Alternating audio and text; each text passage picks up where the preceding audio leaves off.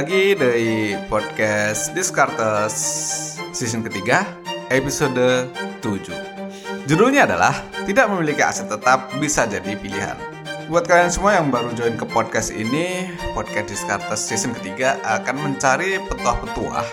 Sedikit kuno Tapi yang nggak lama banget Yang diambil maknanya dan masih relevan buat finansial kita. Tokoh-tokoh dengan pemikiran besar jelas layak buat didengerin dan akan ditambahkan opini pribadi dari gue. Agak aneh ya tapi kali ini ya. Tapi gue mau angkat sosok dari salah satu bilioner yang gue yakin ngasih impact ke banyak orang termasuk beberapa pendengar podcast ini ya. Cheng Peng Zhao. Jadi si CZ ini namanya kalau disingkat jadi CZ gitu. Pernah bilang, I'm one of those guys who value liquidity much more than owning something. I actually prefer not to own anything. Buat si CZ, intinya dia itu termasuk golongan orang yang lebih memilih likuiditas yang lancar dibandingkan memiliki sesuatu. Kenapa dia bisa bilang kayak gitu? Mari kita pelajarin guys. CZ udah jadi bos dari Binance. Buat kalian tahu itu adalah exchanger terbesar saat ini dan salah satu keunikan dari Binance adalah meskipun gede banget, dia tidak memiliki headquarter atau kantor pusat di tahun ini loh ya. Tahun awal tahun 2022. Ya gue nggak tahu kalau kalian dengerin di tahun 2070 apakah Binance masih ada dan punya kantor pusat atau tidak. Well, bayangin gini, revenue si Binance di tahun 2020 itu sudah tembus sekitar 800 juta dolar. Duit gede itu, tapi kantor pusat kagak ada. Unik sih, tapi ya nggak tahu di masa depannya kan. Namanya aja regulasi. Mungkin saja nanti ketika Binance beroperasi harus menyebutkan kantor pusatnya ya. Well I don't know. Kita nggak akan bahas masa lalu CZ karena kalau cerita sedih terus jadi sukses itu kan udah banyak ya. Tapi kita nggak bahas itu. Memang CZ kayak gitu. Katanya dulu pernah kerja di McD dan semacamnya terus jual rumah dan masuk ke Bitcoin bikin exchanger jadi orang super tajir. Itu cerita yang muncul di media-media. Tapi kita langsung ke poinnya. Apa yang bisa kita pelajarin dari seorang CZ? Pertama, likuiditas. Memang penting untuk pebisnis dan investor.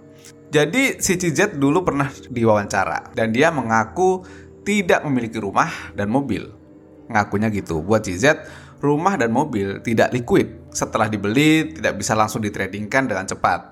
So buat dia pengganti tempat tinggal bisa apartemen yang disewa atau hotel. Karena buat orang seperti dia lebih ringan enteng gitu pindah-pindah. Karena agilitas itu kan penting. Ya tapi jangan disamakan. Kan belum tentu duit kita sama dengan duit CZ gitu kan. Opini gue tentang apa yang dibilang CZ barusan menurut gue tidak bisa applicable untuk kita semua karena belum tentu model bisnis dan kekayaan kita itu sepersepuluh dari CZ kan. ya masa gajimu 10 juta per bulan maunya tinggal di hotel, ya nggak pas gitu loh. Tapi poinnya adalah mengetahui mana yang penting untuk bisnis kamu adalah utama. Itu kalau kamu seorang pebisnis. Apakah diperbolehkan kita tidak memiliki rumah tetapi uangnya diputarkan untuk memperbesar usaha, ya boleh-boleh aja ketika conviction kita atas usaha tersebut tinggi, kan gitu. Sebagai ganti tidak punya tempat tinggal, CZ menghabiskan banyak dana ke gadget. Ini sebagai sebuah sign bahwa si CZ memang fokus ke dunia teknologi, akses ke arah sana. Nah, kita itu ke arah mana? Bisnis kita itu seperti apa? Itu yang menjadi basic pemikiran kita dalam menentukan apakah perlu memiliki rumah tinggal atau tidak. Kan gitu. Yang kedua adalah fokus pada apa yang dijalani.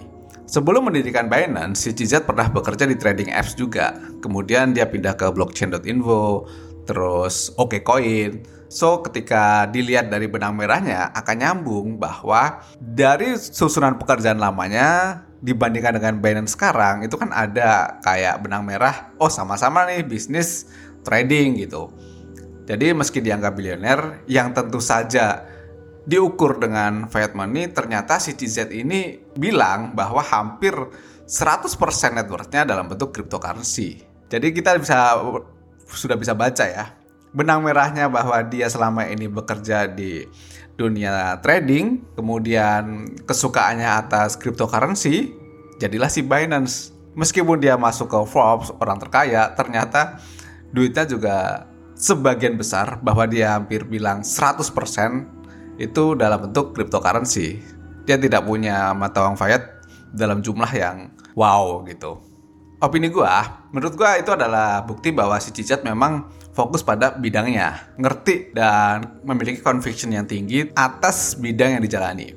Kadang kita itu keburu nyerah padahal fokus dan mencari solusi saja belum. Jadi dari cerita tadi salah satu yang gue pelajarin dari CZ, dia suka kripto. Dia mempelajari bisnis trading, dia ngerti makanya dia ketika create bisnis ini bisa sebesar sekarang. Jadi Binance juga bukan percobaan pertama dan langsung cuan. Itu adalah hasil dari proses yang dia lakukan yang mirip-mirip selama bertahun-tahun. Yang ketiga, poin penting yang bisa gue ambil dari CZ adalah good HR satu hal lagi nih, Binance sering banget melakukan akuisisi. Sering banget. Kalau kalian perhatikan. Selain untuk mengembangkan bisnis, salah satu kelebihan dari akuisisi adalah memasuki area baru yang jelas gak mungkin kalau CZ ngerti semuanya. Karena dia juga manusia biasa, pasti ada keterbatasannya. Makanya, akuisisi jadi pilihan yang masuk akal. Kalau misalnya kalian perhatikan, tercatat itu 20-30 akuisisi yang dilakukan Binance setiap tahun rata-rata kecil. Yang gede yang gua tahu kayak coin market cap. Itu salah satu yang besar. Tapi dengan jumlah 20 sampai 30 kali, menurut gue ya lumayan sering lah. Apa pelajarannya? Buat gue ya, memang jangan berharap kita memahami semua hal. Karena kita punya keterbatasan waktu dan kepala gitu ya. Jadi kalau lu bisa semua hal di dunia, wah Superman juga kalah kali. Makanya kerjasama itu penting, sebuah pelajaran. Meskipun via akuisisi. Kalau duit kamu udah banyak, terus masuk ke bisnis yang baru, ya kan mau nggak mau harus hiring orang baru kan. Kalau nggak nemu orang yang baru, nemunya kompetitor yang sudah ada lebih dulu, kalau nominalnya kecil, otomatis kamu akan berusaha untuk mengacquire bisnis tadi kan. Itu adalah pola pikirnya CZ. Jadi kesimpulan apa dari episode podcast kali ini? Simple sekali justru. Kita lebih baik bisa memahami, mengerti apa yang kita mau, apa yang kita mampu, dan bagaimana pengalaman kita. Dari tiga hal tadi, ditarik benang merahnya, kemudian dikreatlah bisnis dari ketiga hal tadi. Buat gue, yang dilakukan CZ itu bukan sesuatu yang wow banget ya di awal, karena dia sudah melakukan secara terus-menerus dan bertahun-tahun. Tapi hasilnya memang yang luar biasa, gede banget. Oke, mudah-mudahan kalian semua yang dengerin one day bisa create something yang good gitu ya. Mudah-mudahan. Sampai jumpa lagi di podcast Diskartes episode selanjutnya. Thank you and bye-bye.